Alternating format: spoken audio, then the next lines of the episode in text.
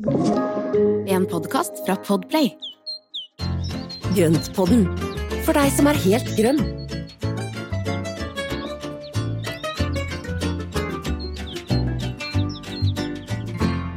Hallo og velkommen til Grønnpodden. God dag, god dag. Hei, Espen. Hei Marianne. Går det bra? Ja da, det gjør det. Og mm. nå er jo en del av mer av planter kommet i bakken, så nå er, nå er det bare fryd og gammen. Nå er det bare å kose seg og se de vokse. Vokser så det knaker. Ja, det er herlig. Det er kjempeherlig. Og den der gleden, det er jo egentlig noe av det som vi um, er, Altså, det er noe av kjernen i, i Grøntpodden. Ja. Er at vi ønsker jo at uh, det å holde på med planter skal gi en følelse av glede, da. Eh, og at man kan ha lave skuldre i, det, i arbeidet med, eller omgangen med planter. Eh, og det er jo også tema for i dag, på en måte. Ja. Og, og det er egentlig litt, kom litt ut fra forrige ukes, eller forrige episodes eh, leser- eller lytterspørsmål, som var jo det at mange syns at den siste vinteren har vært litt tung. Eh, og gitt noen sår på hagesjelen, fordi at mange av plantene ikke har hatt det så godt. Ja, man blir jo litt lei seg. Var det dramatisk? Ja, det er litt dramatisk, men man blir jo lei seg når man ser at ting går i stykker, eller at ting ikke klarer seg og sånne ting. Så altså får man jo litt sånn, det, er litt sånn hjertesukk når man, eh, ja, når man da oppdager hvor, hvor dårlig det kan gå. Men det er ikke bare negativt det heller.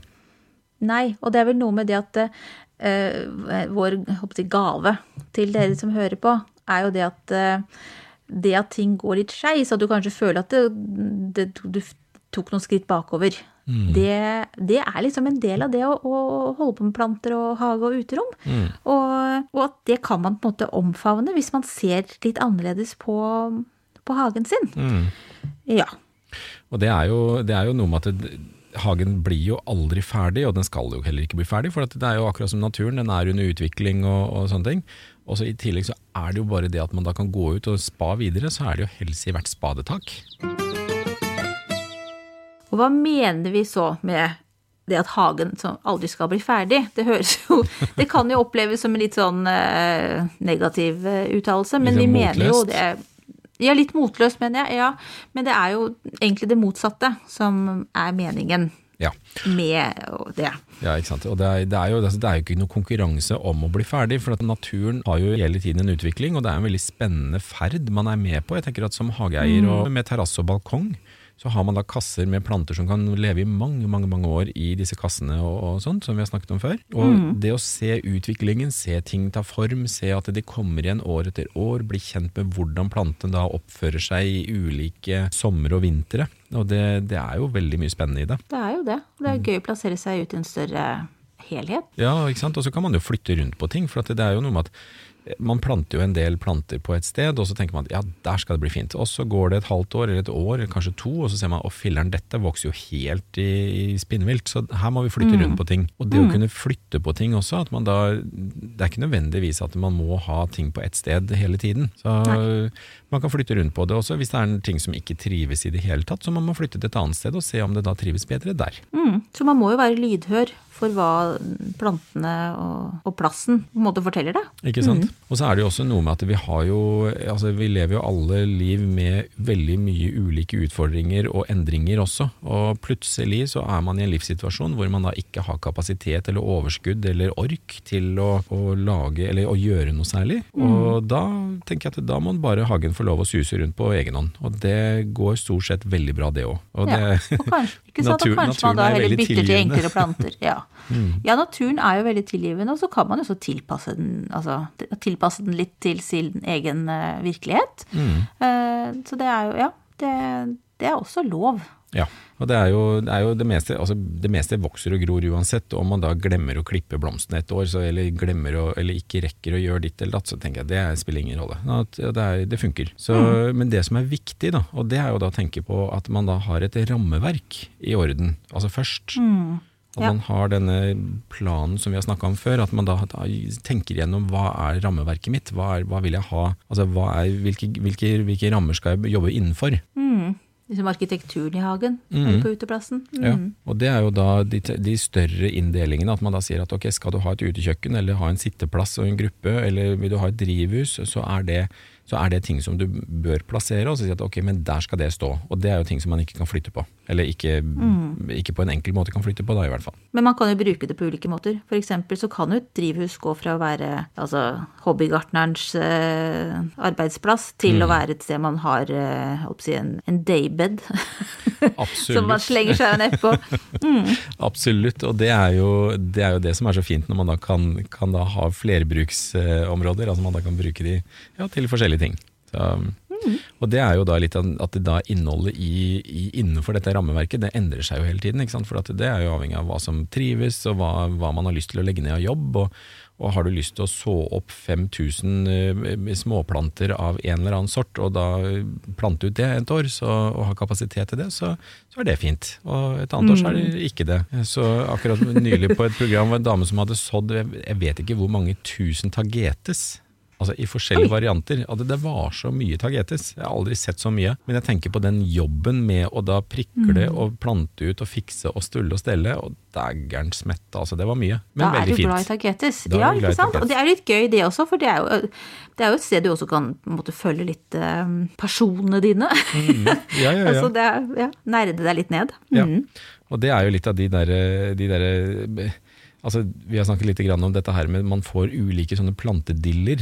Og det at man da får lyst på å nei, nå skal du bare ha roser, eller skal du bare ha klematis, eller Og jeg er jo med i en forening som, eh, som heter Blomstervenners klubb, og der, der har vi jo Veldig mange av de medlemmene der er jo faktisk spesialisert seg på helt smale, små ting.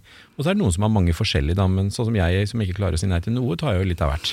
Men man har jo sine perioder hvor man da går inn, og det som er veldig spennende er at når man da dykker ned i én eneste art på den måten der, eller én familie eller slekt, sånn, så kan man da få så mye spennende innhold bare på det. Så- Altså det vi egentlig sier her nå, er liksom omfavn eh, Altså lek deg litt med hagen, da. Mm. Altså kos deg med det som du liker.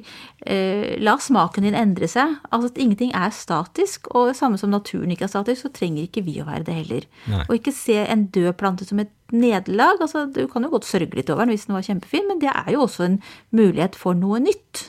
Mm. Og det er jo et veldig godt poeng. Jeg hadde jo en veldig stor sorg tidligere i vår med to stauder som jeg trodde var døde av vinteren. For at det var to, eh, noe som heter anomonella talictroides, som er to nydelige små stauder. Og de er ikke så lette å få tak i, så jeg hadde jo fått tak i to i fjor som da plantet og stelt etter alle kunstens regler. og Ingenting kom opp. Det så jo stein dødt ut alt sammen, så, så det var jo ingenting som kom. Men plutselig nå med litt varme, så er de titta opp begge to, og begge står med blomst. Nei, men også hyggelig, ja. Ja, og Ja, da er det jo sånn Og det å gi litt tid, og så plutselig så er det bare Det, det der hagehjertet hopper jo og jubler, slår saltomortale her, liksom, man blir jo så glad. Ja, åh, så herlig. Så det er ikke nødvendigvis altså Det å ha, gi, gi naturen også litt tid til å komme seg, og, og etter en sånn vinter som vi har hatt, da, så blir det veldig bra. Jeg er helt enig. Så det er veldig mye positivt også. Ja. Nei, så bare, ja, det er jo det vi det, Hagen skal jo aldri bli ferdig, egentlig. For det, det, er, det er litt naturstridig, rett og slett. Men nå har vi snakket om hvorfor det fra naturens side da ikke kan bli noe ferdig hage. Eh, Men det er jo også altså, gode grunner til hvorfor vi mennesker egentlig ikke bør drømme om å ha en sånn fiks ferdig, eller altså bli ferdig noen gang med Prosjekt hage. Og det skal vi snakke litt om nå. Ja, det skal vi.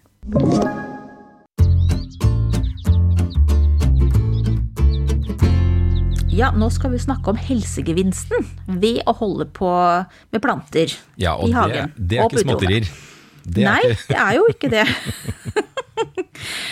For det, en hage som i og med at den er i stadig endring og trenger en jevnlig tilsyn, og, og der man kan prøve ut nye ideer og alt det der, Mm. så gir jo det oss et puff eh, til å være aktive, da.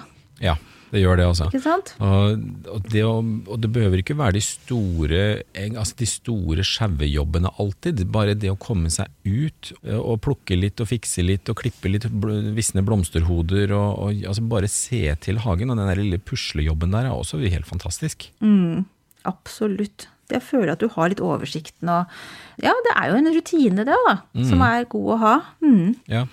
Og det er jo Ja. mange som opplever da med en stressende hverdag. ikke sant? At man da, Når man da har vært på jobb og er fryktelig stressa av altfor mange tanker i huet og sånne ting, og det å komme ut og, og bare, bare rote rundt i hagen og stikke fingrene i jorda og, og ta litt på det grønne og se at det, altså, Som ikke, egentlig ikke krever så mye. Det er ingen som krever noe av deg på samme Nei. måte. Det er jo ganske godt. Det er herlig. Og det er jo både altså Hagen kan, Nå sier jeg hagen, da, men alle vet jo, eh, siden vi hele tiden er så flinke til å si hage og uterom og balkong Vi snakker uansett om hvor man har uteplassen sin, da. Ja. Altså det, så, altså vi sier hage for enkelhets skyld. Ja. Hagen er jo et, et, eh, en arena der man kan være sosial. Man kan jo gjøre noe sammen og ha gleden over å, å, å holde på med det sammen. Men det er jo også et sted der vi kan få lov til å være aleine med naturen. Og kjenne på den følelsen. Og være en del av, av naturen. Ja. Ehm, og, og som være lydhør for hva som skjer av forandringer, og man må fokusere på både på nuet, men man må også ta, tenke tilbake. Hva gjorde jeg her nå? Hva skal jeg fortsette? Skal jeg, mm, hva skal jeg gjøre videre med den planta her? Og så tenker man jo også fremover. Hva man ønsker at den planta skal, skal oppnå. Ikke sant? Men det er, liksom den, det er den nærheten da, som eh, jeg tror den, den gjør noe med, med sjela vår også. Ja, nei, men det tror jeg også. Og det, det også at man da, en del av disse plantene har man jo stulla og stella med sin, kanskje helt siden januar. Og, og ser altså hva de gir igjen av, med den omsorgen de har fått, og så alt de alltid da faktisk bidrar med å gi. Og det er jo også litt, eh, det er jo litt flott da, når man da ser at det, det blomstrer og det koser seg og, og har det bra. Mm. Og så er det en, en annen ting, at dette her med, med terapi er jo, altså hage og natur er jo terapi. Var det, var det på 1700-tallet? Ja, jeg tror man lenge, også før det, har liksom visst, på en måte visst at, at eh, det å arbeide med naturen, hagearbeid, sånn, var, godt, var godt for sjelen. Men da begynte man vel å lage mm, sånn ordentlige terapihager. Ikke at jeg kan si, med, liksom, fortelle akkurat hva de besto av, men det, men det var jo mer fokus da, på det at eh, hvis man ja, var deprimert f.eks., at man da kunne ha godt av å jobbe, jobbe i hagen. Og sikkert å bli utsatt, altså la sansene utsettes for ulike mm, elementer. da. Så ja, så det er jo spennende. Igjen så er det det at det, det er ikke nytt. Nei, nei, nei. nei og det er jo det, mye av dette vi driver med og snakker om, det er jo, det er jo gammelt nytt egentlig, men mm. vi, vi bare løfter opp igjen. Det er jo også noe med denne fysiske, altså den fysiske treninga vi har ved å jobbe i hagen, og det er jo, man trenger jo ikke dra på treningssenter for å, for å bli svett. Eh, Man blir jo det av å lempe på stein og jord og store krukker og Oh, sånne yes. ting, og det er, eh, det er en, en fysisk jobb der også, som, som er med på å holde kroppen i gang. Absolutt. Ja, nei, men det er jeg helt enig med deg i. Det hagearbeid, det er liksom ja, kroppen og toppen blir slitne på en god måte. Så det, og du må være til stede der og da, og det er konsentrere deg om en oppgave. Og det gjør både at altså, andre tanker man har i huet, kanskje skyves bort for en stund. Eh, og så er det også noe veldig sånn, konkret og deilig med å, opp, å utføre en oppgave som du kan løse, da. Altså i mange tilfeller. Det er også en sånn tilfredsstillelse i kanskje et liv der det er mange ting som eh, man ikke blir ferdig med med en gang. Så er det godt å kunne liksom, føle litt på den der eh, Kan krysse av på lista. Eh, ikke sant? Og Nå har jeg raka over der, eller gjort ditt og datt. Ja, altså, Det er du, ikke fint. ja, altså, du er jo ikke avhengig av at noen andre skal gjøre noe innimellom for at du skal bli ferdig. Så det er Nei, liksom, det er sånn mestringsfølelse òg. du gjør jobben, jobben fra A til Å. Og det er jo en, det er en veldig god ting. Og, men så er det jo også Det er jo ikke bare det at, det- at man da har den der mentale helsen i dette her, men det er jo faktisk også mikroorganismer i jorda som skiller ut stoffer som virker på samme måte som antidepressiva. Ja, det er helt fantastisk. Og det er jo en Det er kult å tenke på. Jeg synes det er Det er dødskult. sånn wow. Det er bare å gå ut og rote i jorda og, og, og liksom bare ta det inn. Altså det, er, eh, så det, det er jo ikke rart at man blir rolig og glad av å holde på ute. Så, Nei, det er, det, er, det er gøy å vite at det også er rent sånn eh, Hva heter det? Kjemisk? Fysisk? ja, ja, ikke sant? Det er liksom veldig konkret. Betyr at man bør gå rundt med en liten sånn boks med jord, som man bare stakk fingrene ned i?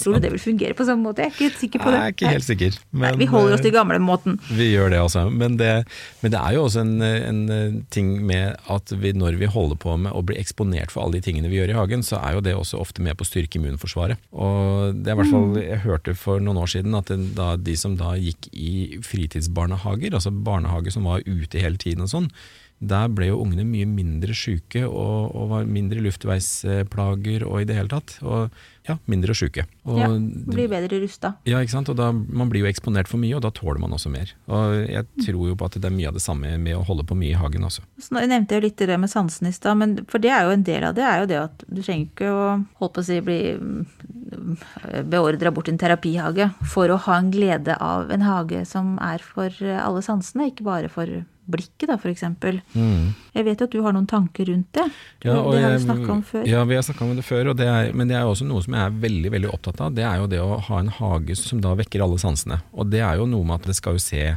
pent ut, eller det skal være noe man da har lyst til å se på, eller det kan være noe spennende som man har lyst til å komme og gå og se litt nærmere på, av Mm. både farver og former. og og gjerne litt sånne overraskende elementer. altså Hvis du kommer inn en plante med kjempesvære blader. Eh, for eksempel så har jeg en, en, eh, en eh, som jeg er blitt veldig glad i, og det er noe som heter Astilboides tabularis. Det er en, hva heter den, skjoldbronseblad. Ja. Og den ser ut som Den får stilk opp midt under bladet, og så har den et blad som jeg vet ikke, kan være en 30-35 cm i diameter, og så er det trillende rundt. Og den Oi. blir jo sånn veldig sånn eksotisk og morsom i hagen, og det å da kunne ha ting som da ser litt sånn merkelig ut, og kanskje litt annerledes, og skiller seg ut på den måten der, det er veldig gøy. Det, så det å da ha noe som kan vekke det der visuelle, det er eh, én ting. Mm. Men så har du også da dette med duft og eh, smak og, og Ja. hørsel, og at det da også at det da er noe som da faktisk eh, risler f.eks. altså en bekk med vann eller en liten fontene som da er med på å skape lyd. Mm. Det er jo Ja, det er utrolig beroligende, og du har Ja. gress eller bambus som kan da stå og vaie litt i vinden, som da gir den derre den der litt sånn susende, susende Mm. effekten. Og, og der har du også da gode gamle ospetrærne. Ja. Altså de der helt runde bladene som som et ospeløv. ja, ikke sant? Og de er jo så fine, og de, de blir jo knallgule på høsten, men de, jo, de gir jo også en veldig fin lyd. Ja, det er hyggelig. Så, Mm. og så er det at man da kan, når du da går i hagen, at du kan da stryke gjennom bladene, og så du kjenner at det er, at det er Det duft. er Altså, ja, det er nydelig. Og det, Jeg syns jeg er så deilig å bare kjenne, liksom, kjenne på hostene som er så gode og store. Eller, og, ja, som du sier, om det er noe sånn mer sånn gressaktig, da, og bare liksom la fingertuppene kjenne på dem. Det er en sånn eh, Man kanskje gjør det ubevisst, men det, er, eh, det er en deilig opplevelse. Ja, men det er det. Og så har du alle disse her blomstene som lukter så godt. Altså, det er jo eh, altså, pioner og erteblomster og syrin og sjersmin roser og urter. Altså, det er jo en noe med at vi kan jo da, ved å da være litt bevisste på plantevalget vårt, så kan vi da ha blomster som blomstrer gjennom hele sesongen, som gir veldig god duft i hagen. Mm. Og kanskje plasseringen. At kanskje lavendlene, hvis- det passer, at den står et sted der du passerer når du kommer hjem. Eller, altså, det er jo um, Kanskje ikke sette de velduftende pionene nederst i hagen. Hvis det Nei, aldri ha er de, der. ha de nært. ha de, de nært. Mm. Og Herlig. det er jo også godt med dette, de tingene som dufter, er jo at altså duft er jo en av de tingene som trigger mange minner og sånn. Hvis man har noen gode minner rundt dufter, så er det noe. Og, Så skal man hente med seg inn. Ja. Det er også herlig. Vi har klippet ned noe vi har, eh, Syrinbuskene våre bør, den bør nok beskjæres. Den har vi ikke gjort noe med siden vi flytta inn her. Ja. Så jeg måtte opp på en stige, men jeg eh, klippte den inn da. Til Mm. eh, når den begynte å blomstre her nå. Ja. Det lukter så godt. Ja, det er kjempefint, og det lukter veldig veldig godt. Og du har jo også blader som lukter godt, altså den sånn som hjertetreet, altså katsuraen. Eh, det er jo, den finnes jo da i en oppredtvoksende, men også en hengende form, som er kjempefin. Og den er jo eh, den kommer jo da Tidlig på våren så kommer den med blomster, og så får den da disse hjerteforma bladene. Utover sommeren er den grønn og fin. Høsten så får den jo spektakulære farver i, eh, i høstfarvene sine. Og når bladene faller av, så lukter det som sukker, eller nybakt kake eller brent sukker når du raker opp løvet. Og den har en sånn derre ja, Når du da går på høsten og det er liksom litt kaldt og fuktig, og så, så raker det opp dette, så lukter det jo, det lukter jo som hjemmebakst. Altså. Så det er helt fantastisk. utrolig. Så, er, så man kan liksom fylle hagen med, med, med duft, da. Og det er, jo, mm. det er jo det som da også kan være med på også, også, og rett og slett gi en veldig god følelse med å være ute. Hva tenker du av, Hvis vi skal tenke på smak, da, hva, hva burde man ha i hagen da? Jeg tenker jo med en gang på jordbær, men det er jo fordi jeg driver med den jordbæråkeren min. Ikke sant? Nei, jordbær er kjempe, kjempegodt, men jeg, jeg altså fyller innimellom der hvor du har planter eh, som er til pryd, så kan man godt også ha litt urteplanter innimellom. Og Ja. det å putte urteplanter innimellom eh, prydplanter og blande og mikse litt, det syns jeg er veldig gøy. Og, og selvfølgelig så må du ha noen frukttrær og kanskje en drueranke, aprikos eller fersken. altså Sånne ting som du kan Når du da går rundt i hagen og flytter på ting, så kan du da, er det alltid et eller annet som du kan putte i munnen også. Så jeg er veldig opptatt av spiselige ting. Jo, Plomber som er som varme fra solen. Ja. Det er deilig. Det er For godt. eksempel. Mm. Og det å da kunne plukke rett fra tre og busker og sånn, frukt, altså bærbusker, altså stikkelsbær, rips og solbær er kjempegode ting. Så er gode, gamle, tradisjonelle sorter også. Og bland gjerne sammen med pryd, sånn at man da kan ha begge deler. Sånn at eh, når du da går og kniper de visne blomsterhodene på, på en del av prydplantene, så kan du da putte noe annet i munnen med, som er, smaker godt. Ja, det er en veldig god idé. Da kanskje du blir mer motivert til å gå og knipe de plantene. Ja, ikke sant? Når du kan få noe belønning med en gang. Ja, ja, ja. Nå snakket du om hjertetreet som var så fint, eh, fikk så fine høstfarger. Mm. Det er jo andre som også gjør det. Har du noen eksempler der, da? Jeg tenker på villvin. Villvin er kjempefin. Og mm. så har du jo disse her ulike japanske lønnene, altså løn, lønnetrærne, mm. aser. Det er jo masse som får fint eh, Du har jo også den der Darmera peltata, skjoldsildre. Den blir jo liksom blodrød. Nei, så er det en, en klatreplante som heter celastrus, som får altså, knallgule blader. Og den, den er veldig fin, og den, den er jo veldig morsom. Men ginkgoen, den blir gul, den. Ja, det er sant. Ginkgo biloba. Den Ja. er, det er en av mine favoritter. Altså, eller, jeg, klarer jo, jeg klarer ikke å begrense meg, så jeg har jo mange favoritter. Men eh, ginkgo biloba den står høyt på lista, for den blir altså så knallgul som bare det. Ja, den har jeg også i hagen. Jeg Mm. tror den ser mye bedre ut enn min, men jeg prøver. Fordi at den har liksom stått der eh, Nå skylder jeg igjen på tidligere eier, men altså den har liksom stått og blitt litt sånn omringa av veldig mye andre høye planter, så nå prøver jeg å, å gi den litt mer plass. Så, men eh, mm, jeg tror eh, Vi kan gjerne legge ut et bilde av din ginkgo, tror jeg. Ja, jeg skal finne frem. altså, det er bare å gi, men pass på å gi den altså, rydd, rydd vei rundt den, sånn at den får luft og lys. Det er, Ja. Så kommer den seg fort. Ja, men Sansehagen, det er jo bare hyggelig, bare ordet, syns jeg. Mm. Det å, ja, å lage en hage som du føler deg Føler liksom spiller eh, på lag med deg, på en eller annen måte. Ja. Det, det er nydelig. Er det noe mer vi tenkte vi skulle si da, du? Nei, da tror, jeg, da tror jeg vi er ganske up to date. Herlig. Altså, men det, igjen, det her er jo litt sånn som jeg syns jo det er veldig spennende å tenke på det at i jorda så er det mikroorganismer, og, og det at det gjør så godt for oss. Men det, det finnes jo masse Så vi kunne jo godt ha snakka gått mer i, i dybden på det her, men vi har jo liksom valgt å, å touche litt inn på det. Men det er jo masse man kan lese om det. Det finnes jo bøker om det her. og og det er jo gjort studier. Det er jo masse man kan lese seg opp på hvis man er, er interessert til å, i å lære seg mer om det. Absolutt. Så det her var jo bare en liten sånn uh, smakebit. Mm, Ja, men Så bra, Espen. Da skal vi si at vi begir oss videre i programmet, da. det skal vi gjøre.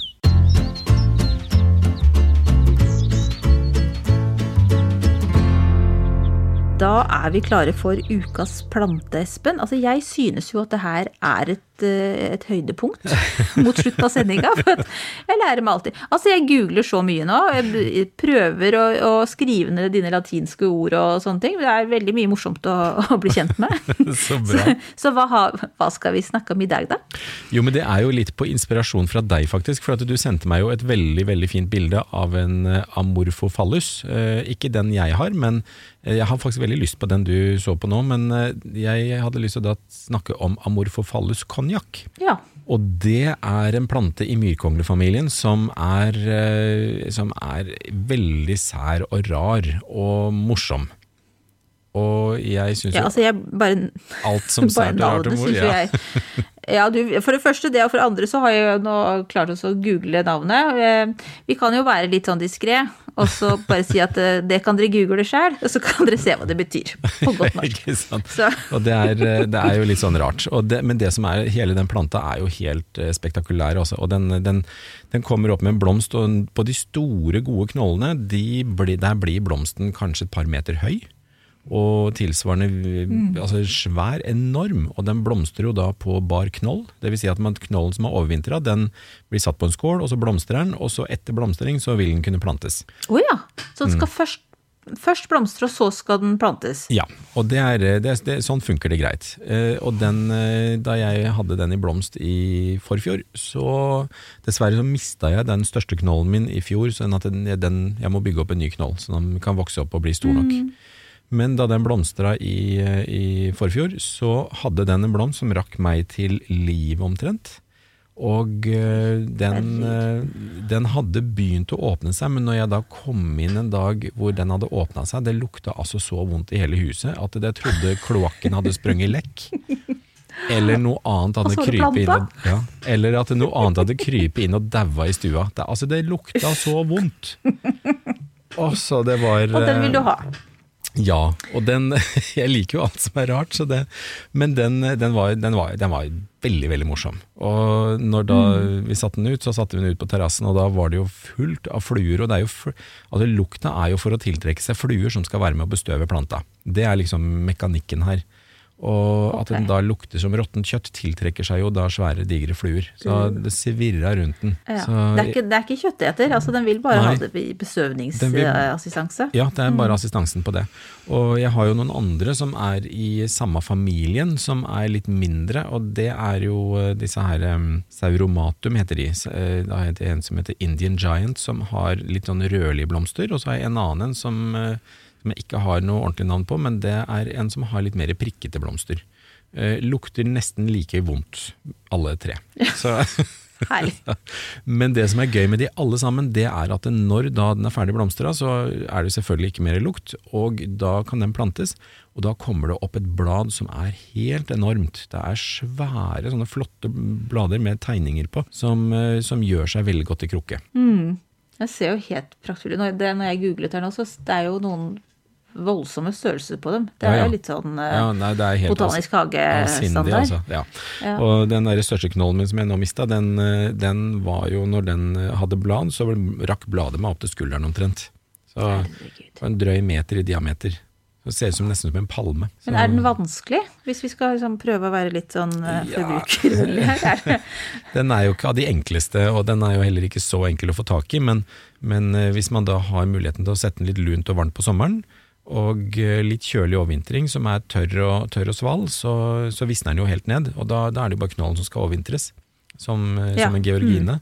Og hvis du da klarer den der årssyklusen der, så er det ikke noe problem. Og Da vil den Nei. der knollen bare vokse og bli større og større for hvert år. Heilig. Så jeg har noen bilder og, og en liten video som jeg kan prøve å få, få delt, sånn at dere får Ja. se hva, hva, vil hva vi- snakker om. Veldig gjerne. Skulle også da egentlig gjerne hatt sånn lukt-TV, men det Nei, det, vet du, det Det- tror jeg det ikke vi ikke du. Nei, Nei, det vil vi ikke. Det, det vil du egentlig ikke. Nei. Jeg, lover. Ok, jeg tar tilbake det. Ja. Ja, men så bra. Amorfofallus. ja. Amorfofallus Kon- konjakk. Konjakk, du. Mm. Ja. Ja ja. Det hørtes jo godt ut, det, da, men. Eh, videre, moving on til Ja. ukens spørsmål. Eh, og da er det en som lurer på om man må grave opp alle tulipanløkene etter at de er eh, ferdigblomstra. Det er et veldig godt spørsmål, og der er det jo veldig mange meninger om det. Eh, Jeg liker den enkleste varianten, at nei, ikke gjør det. Tanken min da, det er jo at hvis du har en, en løk som står i bakken, og står den da i godt drenert jord med god fuktighet og alt sammen, så trenger den tiden etter blomstring til å bygge opp næringen i løken igjen. Og Ja. Det vil si at bladene skal få stå så lenge som mulig, og den skal vannes og gjødsles og holdes i gang, sånn at da bladene bygger opp næringen i løken, slik at løken er sterk nok til å kunne gi blomster neste år. Ja, Og så man skal alle- vanne og gjødsle også, ja. Ja. Ja. Alle, så så jeg, jeg pleier å gjøre det, og jeg har da tulipaner blant annet, som har stått på samme sted i over ti år. Og de Mm. trives, og de blomstrer hvert eneste år, og de blir ikke færre, og de holder seg like fine. Og det gjør Mm. at de får, eh, de får lov å ha den naturlige syklusen. Ja. Og på den måten så Ja, det er det jo snart. veldig enkelt. Men så er det veldig mange andre som da plukker de opp og legger de til tørk og, og, og sånne ting, og lar de trekke ned næringen fra bladene på den måten. Og det er også Mm. mulig, men da har man mye mer utfordringer i forhold til å ha en god ø, lagringsplass. For blir det for Ja. tørt og varmt, så vil de løkene bli innskrumpa og ikke være så Mm. veldig gode å plante til høsten. Så er det mer jobb. Og så er det mer jobb. Så, så jeg tenker at hvis man har da områder i, i, i hagen eller bedene som da man vil plante noe annet, eh, så må man jo nesten ta opp det som man har av, av tulipanløk.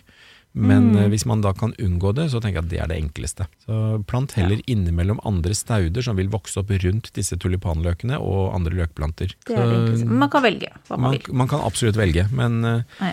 Min erfaring er eh, enklest og greiest å ikke gjøre noe, for å på den måten da slippe både jobb og gi plantene mest mulig naturlig. For det er jo sånn som i naturen, det er jo, det er jo ingen ute i naturen som trekker opp løkene og tar vare på de før de skal plantes til høsten igjen. Altså, det er jo ikke en sånn naturen Ja. funker. Nei.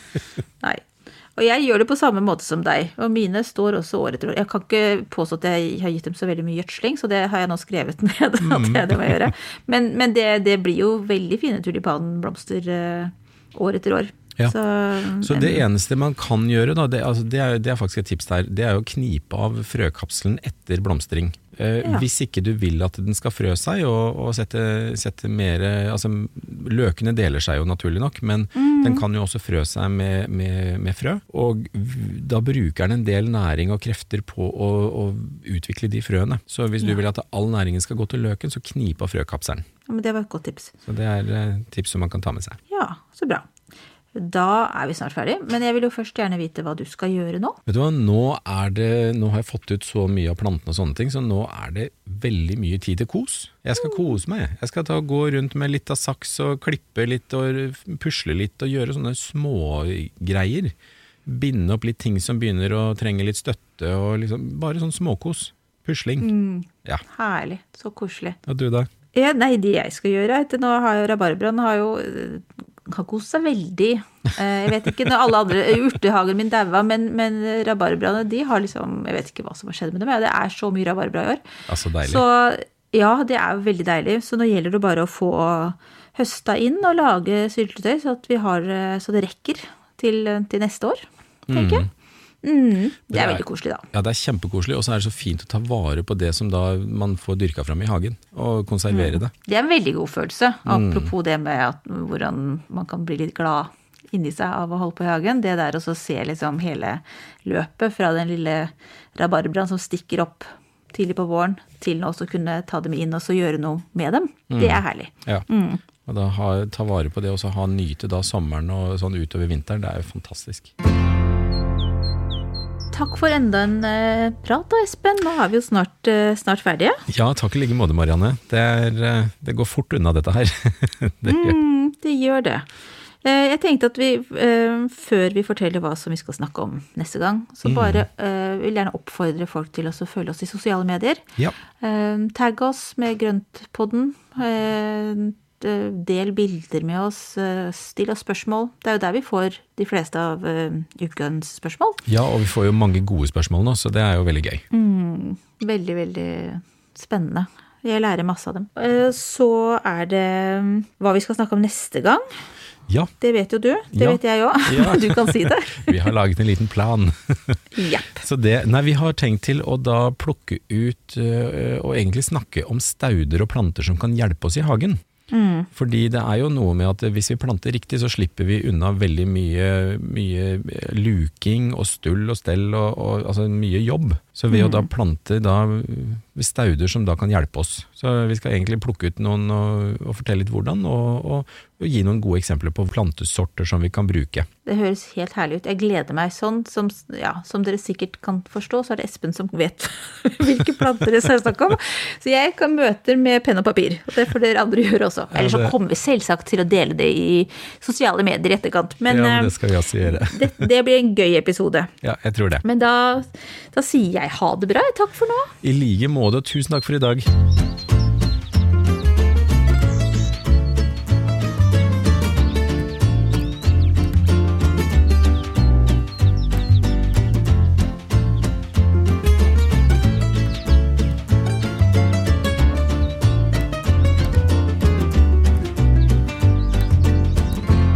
Du har hørt en podkast fra Podplay. En enklere måte å høre podkast på. Last ned appen Podplay eller se podplay.no.